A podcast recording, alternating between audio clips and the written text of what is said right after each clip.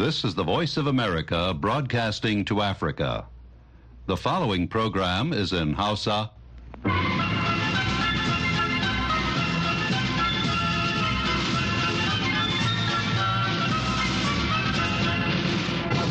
Sashen Hausa na muryar Amurka ke magana daga nan birnin Washington DC.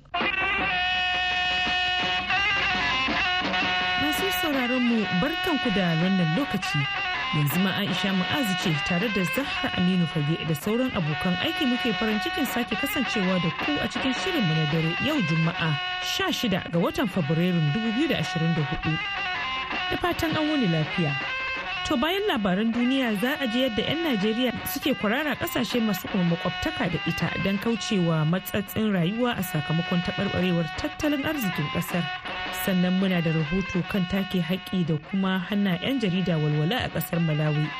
Kamar kowace ranar Juma'a Hassan Maina Kaina zai shigo da shirin tubalin tsaro wanda ya shirya kuma zai gabatar. kuma a wannan makon shirin zai mai da hankali ne akan halin fargaba da al'ummar karamar hukumar zaria suke ciki sakamakon taɓarɓarewar tsaro da kuma barazanar 'yan bindiga amma fa duk wannan sai bayan mun ji halin da duniyar tamu ta wuni. Masu sauraron mu assalamu alaikum barkamu da wannan lokaci. Kafofin yada labaran rasha sun rawaito cewar jami'an hukumar gidan yari na ƙasar sun sanar da cewa alexei navalny mai tsananin adawa da shugaban rasha vladimir putin ya mutu a yau juma'a bayan da ya kamu da rashin lafiya bayan ya dawo daga wani dan tattaki da ya yi don miƙe kafa sun ce an kira ma'aikatan lafiya domin su duba shi amma sun kasa farfado da shi. Jami'an sun ce an fara gudanar da bincike don gano musabbabin mutuwar dan adawar. Alexei navalny dai ya kasance yana zaman gidan yari na shekaru goma sha tara bisa zargin tsatsauran ra'ayi. An ɗauke shi daga tsohon gidan yarin da yake a yankin vladimir na tsakiyar rasha zuwa wani yanki mai tsananin tsaro a garin kap a yankin yamalo ninet mai tazarar kilomita 1,900 a arewa maso gabashin moscow. Shugaban Ukraine Vladimir Zelensky yana birnin Paris a yau Juma'a, inda Faransa da Ukraine ke shirin rattaba hannu kan wata yarjejeniyar tsaro a tsakanin ƙasashen biyu. A jiya Alhamis ne ofishin shugaban Faransa Emmanuel Macron ya sanar da maganar wannan shirin kulla yarjejeniyar, amma bai bayar da cikakkun bayanai ba. Fadar shugaban faransa ta ce a lokacin ziyarar ta shugaba zelensky macron zai kara tabbatar da aniyar faransa na ci gaba da bayar da goyon baya ga ukraine da al'ummar ukraine da kuma dukkan abokan hulɗarta. Shugabannin tsaro na ƙungiyar ƙasashen neto sun gana a jiya alhamis a brussels domin tattauna yadda za su ci gaba da goyon bayan ukraine a yaƙin da take yi da mamayar da rasha ta yi mata tun kusan shekaru biyu da suka gabata. Jami'an kiwon lafiya a gaza sun ce harin da isra'ila ta kai a jiya alhamis ya fada a kan babban birnin asibitin da ke kudancin gaza inda ya kashe mutum guda tare da jikkata wasu da dama. Harin da aka kai a asibitin nasir da ke kan yunis ya biyo bayan umarnin da sojojin isra'ila suka bayar na al'umma su ƙauracewa wurin. Isra'ila ta ce ta buɗe hanyar kwashe mutane a ranar Laraba kuma dubban mutane da dama da ke a cikin asibitin sun bar yankin. Ƙungiyar ba da agaji ta ƙasa da ƙasa ta likitoci ta Doctors Without Borders ta yi Allah wadai da umarnin da Isra'ila ta bayar kuma ta ce ma'aikatanta a asibitin suna kula da marasa lafiya a cikin mawuyacin hali. Isra'ila ta kare shirin nata na ba da umarnin ficewa daga yankunan zirin Gaza a duk yankin. Tana mai cewa gargaɗin na kare lafiya da kuma kare fararen hular Falasɗini ne. A jiya Alhamis ne sakataren harkokin wajen Amurka a Tony Blinken ya isa ƙasar Jamus domin shiga tawaga Amurka a taron tsaron da za a gudanar a Munich wanda mataimakiyar shugaban Amurka Kamala Harris ke jagoranta. Da safiyar jiya alhamis blinken ya kai ziyara ƙasar albania a karon farko a wani ɓangare na ƙoƙarin kara tabbatar da ƙarfin dangantaka tsakanin amurka da nahiyar ƙasashen balkan. Blinken ya gana da manyan jami'ai da suka hada da shugaban albania bajram bagaj da prime minister idi rama inda blinken din yake cewa dole ne in yaba da rawar da albania take takawa na kasancewa ƙasa mai ƙarfi wajen tabbatar da zaman lafiya a yankin da haɗewar yankin da ci gaban yankin wannan ita ce hanyar da za ta samar wa al'ummar yankin kyakkyawar makoma don haka mun ƙudiri aniyar yin duk abin da za mu yi don tallafawa dukkan ƙasashen yankin da ke ɗaukar wannan tafarki.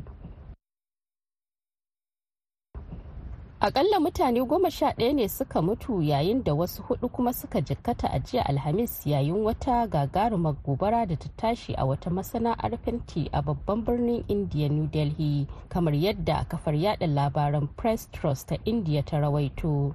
Hukumomin ƙasar sun ce gobarar ta tashi ne da yammacin rana daga ƙasa inda waɗanda ke saman ginin ba su samu hanyar tserewa ba an gano gawawarkin mutane goma sha ɗaya da suka ƙone kurmus daga baraguzan gine-gine amma hukumomi ba su tantance su ba har yanzu ba a san musabbabin tashin gobarar ba.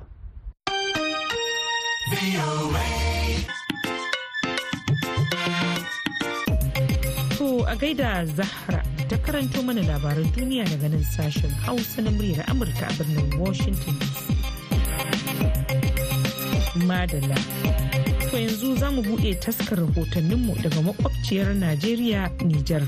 Inda matsatsin rayuwar da al'ummar ƙasar ke ciki ya fara kai ga wasu 'yan ƙasar ficewa zuwa ƙasashe masu makwabtaka da ita don neman na rufin asiri. Hamid Mahmud Gareka. Ayyuka masu yawa ne 'yan najeriya suka mamaye a ƙasar nijar musamman jihar agas da ke arewacin ƙasar wadda ta zame musu tudun tsira a gare su sakamakon halin matsin rayuwa da suke fama da shi. Malam lawal usman wanda yake aikin inki ya bayyana dalilin zuwansa. To ni asali na mutumin zamfara ne. Na tafo na agadas ne akan sana'ar ɗinki. Lallai na buru ƙasa ta ne na taho nan wurin domin neman abin da za ni kare wa kaina mutunci. Ana samun kuɗi bakin gwalgwado. Mu da annan wurin muna samun abin da za mu ci mu sha mu tura gida su ma su ci su sha har a taimaka ma yan uwa. Mu'amala ƙasar da ba kabila ka ba ne za ka zanna lafiya ba tare da ka tsawala ba ko an tsawale ka. Shi ma dai mala hassan abdulaziz wanda ya fito daga jihar kano ya bayyana halin da ya sa ya baro nigeria don zuwa nijar. Gaskiya harkokin kasuwa na ika ne. Sakamakon rashin jin daɗin najeriya shine ne kuma na duk daina wannan harkokin na najeriya na da nijar. Nake gudanar da harkoki na a nijar kuma komai ina tafiya daidai. Tsawon shekaru dai ana ganin al'ummar najeriya da nijar al'umma ce guda. In banda takunkuman sai da yawo da ya shiga a tsakanin su to ko yaya mu'amalar su da 'yan nijar?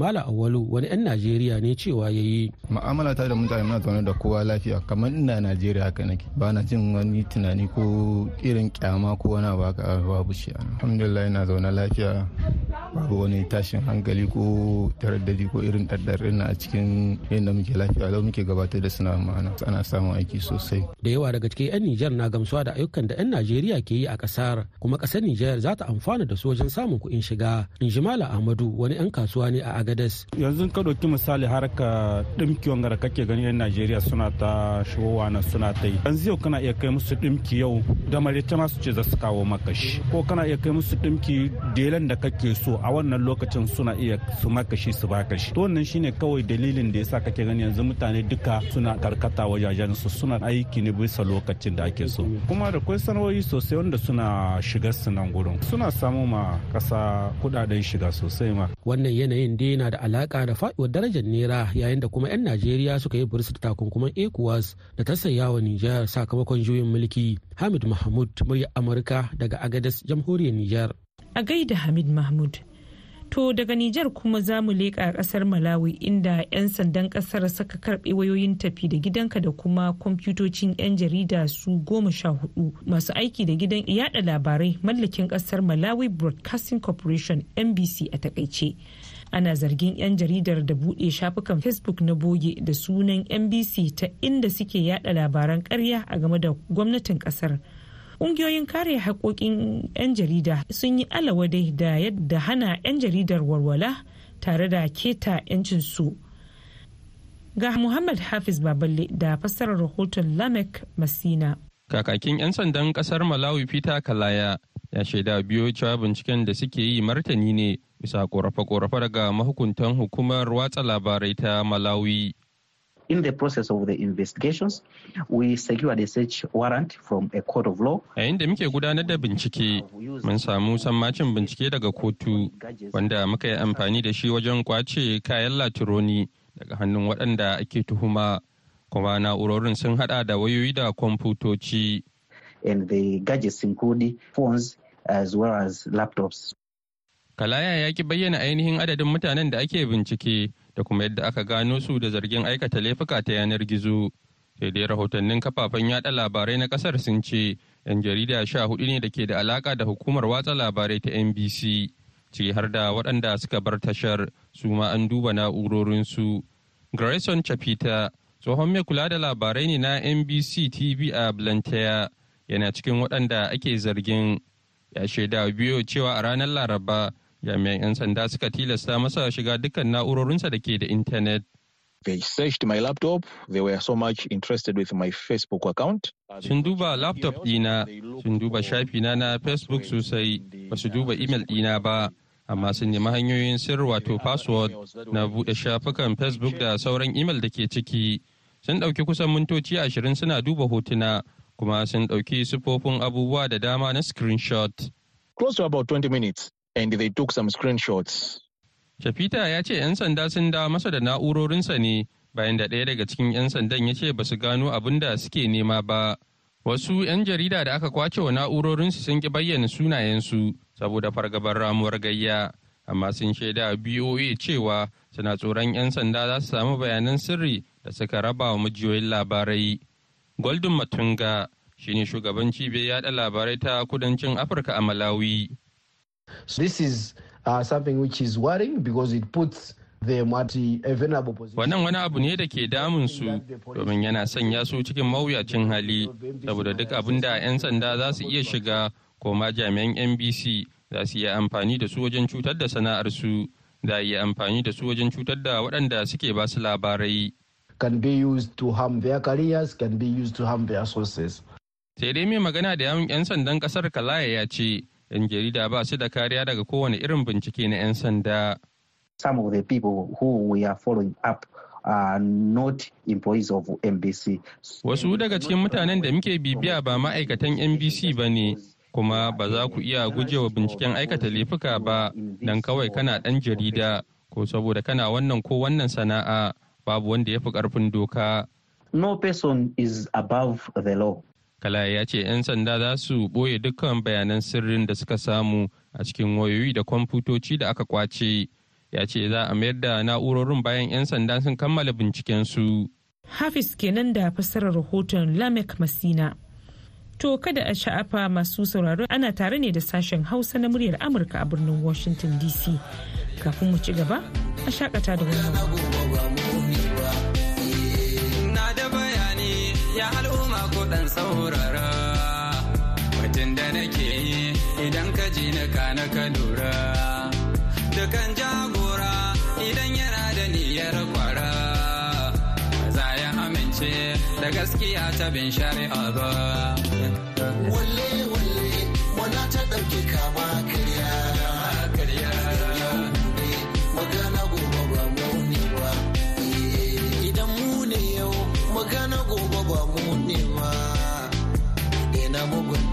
Domin ba za ta kai mu gaci ba.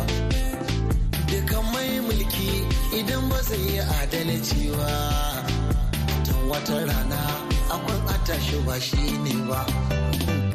Walle walle mana ta ɗauki kama. Karya.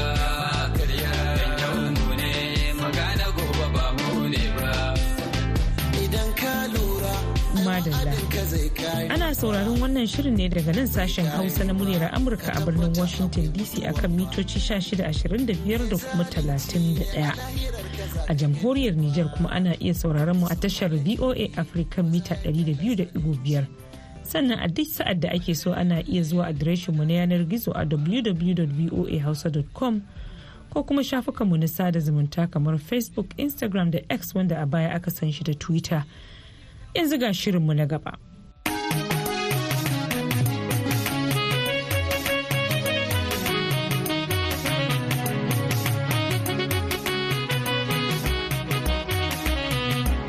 Masu sauraro Assalamu alaikum. Barkanmu da sake saduwa a wani sabon shirin na tubalin tsaro wanda ni Hassan mai na kaina zan jagoranta. A yau za mu duba irin halin bala'i da kuma masifar da al'ummar ƙasar zazzau ke ciki bisa yadda 'yan bindiga daɗi ke ci gaba da sassace su. Zina da matan aure kwakkone wasu gidaje kayan abinci da dai duk wani nau'i na keta haddi. a yammacin zariya gaba ta dunkula ta shiga cikin masifa da addu'an duniya take nema. Alhaji malam isa garinmu an taɓa kashe mana mutum hamsin da biyar rana ɗaya. Ya zuwa yanzu wannan garin da nake gaya maka dan agwai zai shigo ya zina da matanka. Kana kallo ba yadda ka iya. Ya zuwa yau mun wuce sati biyu kullum sai mun zana idan mutum huɗu mutum biyar. Mun fito da tsare-tsare domin ganin an yi maganin wannan fitina na rashin tsaro. Bai yiwuwa wannan ya ɗau mataki ya rufe ƙofar gidansa wancan kuma ya bar nashi ƙofar gidan a buɗe. Kowa ya ga dama zai shigo ya zo ya abin da zai duk wanda aka koro daga can bai da inda zai je yanzu ya cika rashin babu baka in ba irin wuraren da su kuma gwamnatocin su ba su ɗau mataki ba.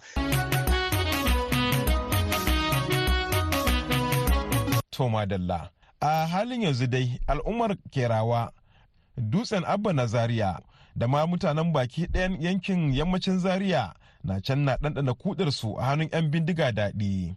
Wakilinmu Isa Lawal Ikara ya tattauna da wani mai magana da yawon wannan mutanen yanki. to inna lillahi wa inna ilaihi rajiuna inna lillahi wa inna ilaihi rajiuna mutanen Najeriya musulman duniya ku taimake mu da addu'a da halin da mazaɓan kerawa ke ciki da dutsen abba na zare don muna jikin juna ne da kaɗa jawot a yammacin zariya gaba ɗaya ta dunkula ta shiga cikin masifa da addu'an duniya take nema.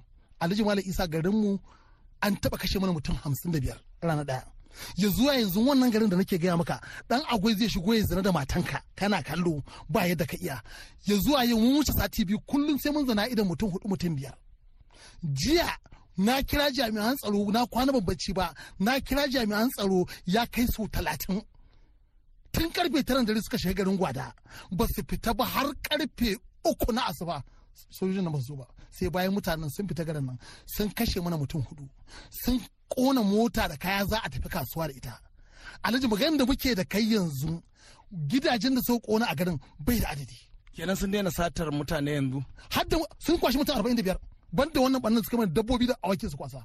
Sun shiga garin bina sun tafi da mutum talatin. Sun shiga garin ɗinki sun tafi da mutum arba'in. Sun kashe mutum biyu a garin. Tunin amada sun kashe mutum biyu. Sabon gidan ganye sun kashe ango da amarya an zo shiga ɗaki.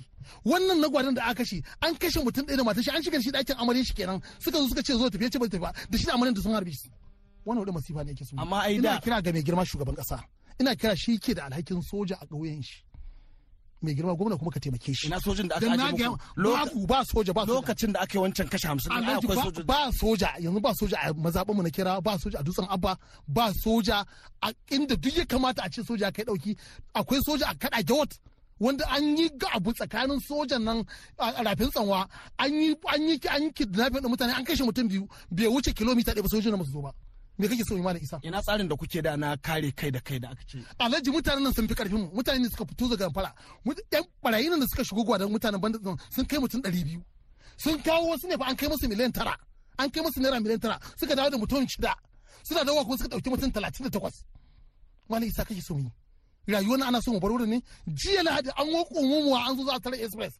Mun kai mu ashirin da kyar muka iya control din mutane. Aka koma. Don a ji abin da gwamnati za ta yi. Muka yi musu alƙawarin cewa gwamnati za ta turo jami'an tsaro don kare rayukan al'umma.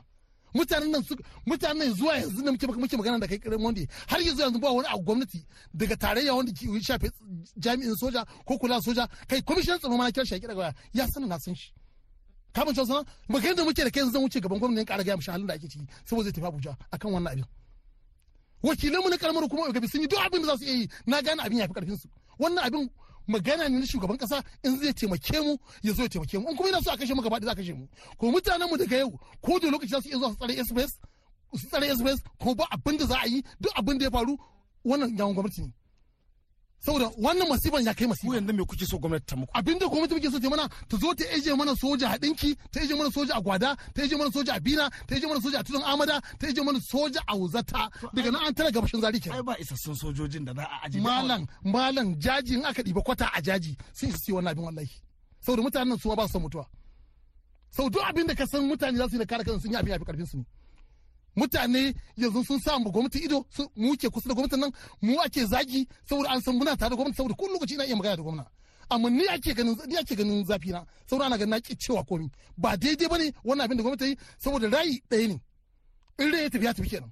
Ba zai yiwu a ce mutum har gidanka a zuwa ƙwace amfanin ka a zina da matanka kana kallo ba abin da ka iya yi in kai magana a harbe ka a ƙwace dukiyanka. Da masifan ta wuce wannan? So ina kira gwamnatin tarayya da mai girma shugaban kasa da ministan tsaro sun san halin da talaka ke ciki. Mutanen nan kuma sun zaɓe su da kyakkyawan an zaɓe tunubu da kyakkyawan zaton cewa bayar bai shi ba filatini ba ne zai zo kishin zai kishin mutane don a kashe wannan ta'addancin. Ta'addancin nan wallahi tallahi in ya gama cinye mu zai cinye zai cinye birane. In ya gama cinye kawai cinye birane. Ina kira ga shugaban kasa a gaggawan ɗaukan mataki akan wannan abin. Duk wani mutumin da ya shafi harkan jami'in tsaro a ƙasar nan muna neman ɗauki a yammacin zaria. In baka wallahi za ka da yammacin zaria. Wannan shine gaskiya magana ba maganin kira ba ne akwai gunduma biyu a zaria akwai gunduma ɗaya a giwa akwai gunduma ɗaya a gabi lokal gaman to in ba yi ɗauki mataki ba daga nan zuwa sati ɗaya duk abin da ya faru wannan gwamnati ita ja. In dai ba da gaggawan mataki ba. Wannan shine gaskiya magana. Saboda fituwa na ya gagara mutane. In aka yi salau akwai wanda aka faɗa mai cewa ga an kashe an kashe wani ya yanke jiki ya faɗi ya mutu. An gode amarya da aka shiga da shi aka harbe shi aka harbe amaryan suka mutu. An zo an kashe mutum huɗu an kona dukiyar mutane. Ana kallo a mota kasuwa ta je a garin an ta kafin gari waye an kona motoci guda uku. Wannan hudun masifa ne. A ba bayan nan dai gwamnatocin jihohin arewa maso yammacin najeriya sun kakkafa ƙungiyoyin sa kai daban-daban domin taimakawa jami'an tsaro wurin shawo kan wannan matsala. To amma a cewar masanin tsaro Mejo ya hayashinku na ganin zaman 'yan marina da gwamnatocin jihohin ke yi wurin ɗaukar mataki irin na bai ɗaya baya taimakawa. Kuma ba lallai ba ne ya zama kuskure in ma mutum ya ce sakamakon irin matakin da gwamnatin jihar Sokoto ta ɗauka da jihar Katsina misali na samar da 'yan sa kai da suka yi wanda wannan ya sa su 'yan bindigan nan sun takura a wancan yankin sa iya yin hijira su yanko nan irin yankunan jihar kaduna da ba ɗau irin wannan mataki ba su zo domin ci gaba da yin abin da suka ga dama. Wannan shi yake nuna cewa to lallai ya kamata in za a irin wannan abin a riƙa yin shi bai ɗaya. Domin bai yiwuwa wannan ya ɗau mataki ya rufe ƙofar gidansa wancan kuma ya bar nashi ƙofar gidan a buɗe. Kowa ya ga dama zai shigo ya zo ya abin da zai. Duk wanda aka koro daga can bai da inda zai je yanzu ya cika rashin babu baka in ba irin wuraren da su kuma gwamnatocin su ba su ɗau mataki ba. Saboda haka lallai wayannan gwamnoni gaba ɗayan su na arewa ya kamata ne su haɗa kai su ɗau wannan mataki kuma su kira gwamnatin tarayya ta shigo ciki ta goya musu baya ya zama to suna yin shi na bai ɗaya. Ta yanda in daga jihar Neja ana yi dan bindigan da yake tsammanin zai gudu ya zo jihar Kaduna sai ya zo tare majiran shi ake yi. In ma a jihar Kaduna yake yana gudun zai je jihar Niger ko zai je jihar Nasarawa ko zai je Sokoto ko Kebbi to sai ya je can din ma ya tare shi ma sun ɗau mataki jira ake yi. To wannan lalle zai kare lagon su sannan ya kasance sojojin mu suna bi su ma suna ƙara kare lagon wayannan mutane. To kowane mataki mahukunta ke ɗauka don shawo kan wannan matsala? Malam Obasani shine gwamnan jihar Kaduna. Mun ta tunani mu ga cewa wani abubuwa ya kamata mu yi a matsayin na gwamnati.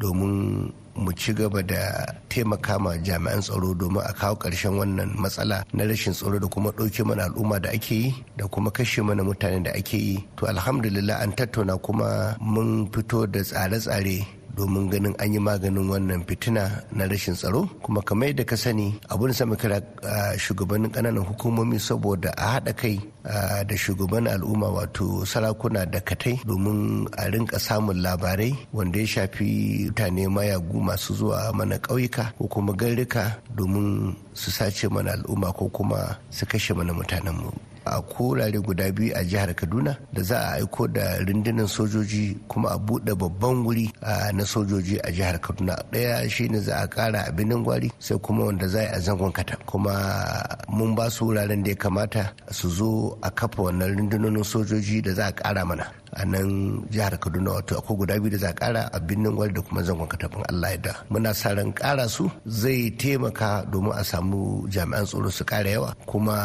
a ɗauki matakai masu tsauri domin a ga cewa an kawo ƙarshen wannan matsala na rashin tsaro. a ba bayanan dai gamayyar ƙungiyoyin arewacin najeriya sun shirya wani babban taro na masu ruwa da tsaki a nan abuja domin ganin yadda za a yi wa tufkar hanci a kuma kawo ƙarshen wannan aika-aika na rashin tsaro a arewacin najeriya. Nastura ashiru sharif da ke zama shugaban gamayar ƙungiyoyin na arewa ya yi wa 'yan jaridu ƙarin bayani.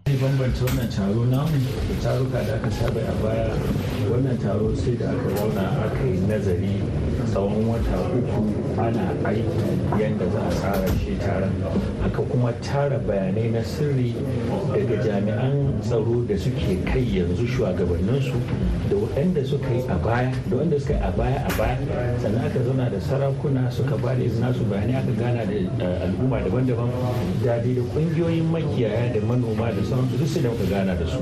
Sannan muka fitar da wannan wato manhaja da muke kallon za a amfani da ita wajen yaƙar tsaro a cikin manhajar nan mun kula da yadda za a amfani da al'umma gaba ɗaya da sarakuna da malaman addini da ƙungiyoyi na kuma 'yan kasuwa masu sufuri da sauransu don tattara bayanai da kuma ma yadda al'umma da kanta za ta taimaka wa al'ummar da aka kassara su. Misali da ni da kai da muke aiki na da ɗan rubin asirinmu kowa zai kawo nasu irin gudunmawa.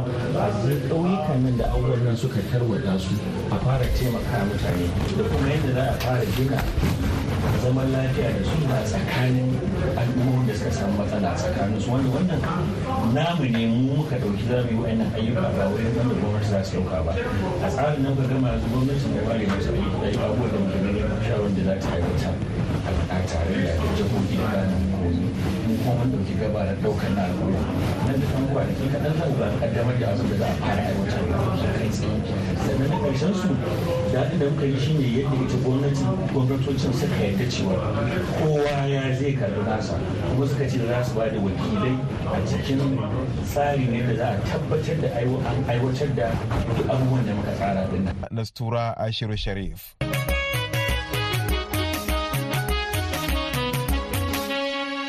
Masu sauraro duka-duka da wannan muka zo ƙarshen wannan shiri na tubalin tsaro na wannan mako. A madadin abokan aiki na Isa Lawal Ikara da Halima Abdulra'uf. Solomon Abo shine wanda ya daidaita mana sauti da kuma sashen Hausa na muryar Amurka. Sunana Hassan maina kaina da na shirya na gabatar ke sallama da ku mu kasance lafiya.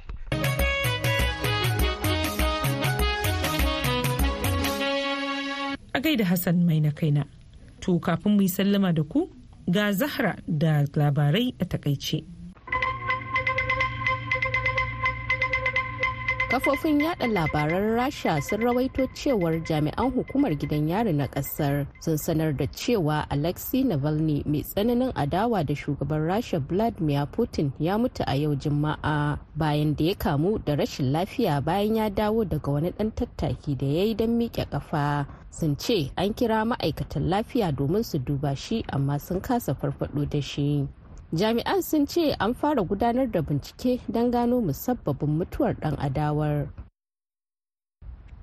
Shugaban ukraine vladimir zelensky yana birnin paris a yau juma'a inda faransa da ukraine ke shirin rattaba hannu kan wata yarjejeniyar tsaro a tsakanin ƙasashen biyu. A jiya alhamis ne ofishin shugaban faransa emmanuel macron ya sanar da maganar wannan shirin kulla yarjejeniyar amma bai bayar da cikakkun bayanai ba.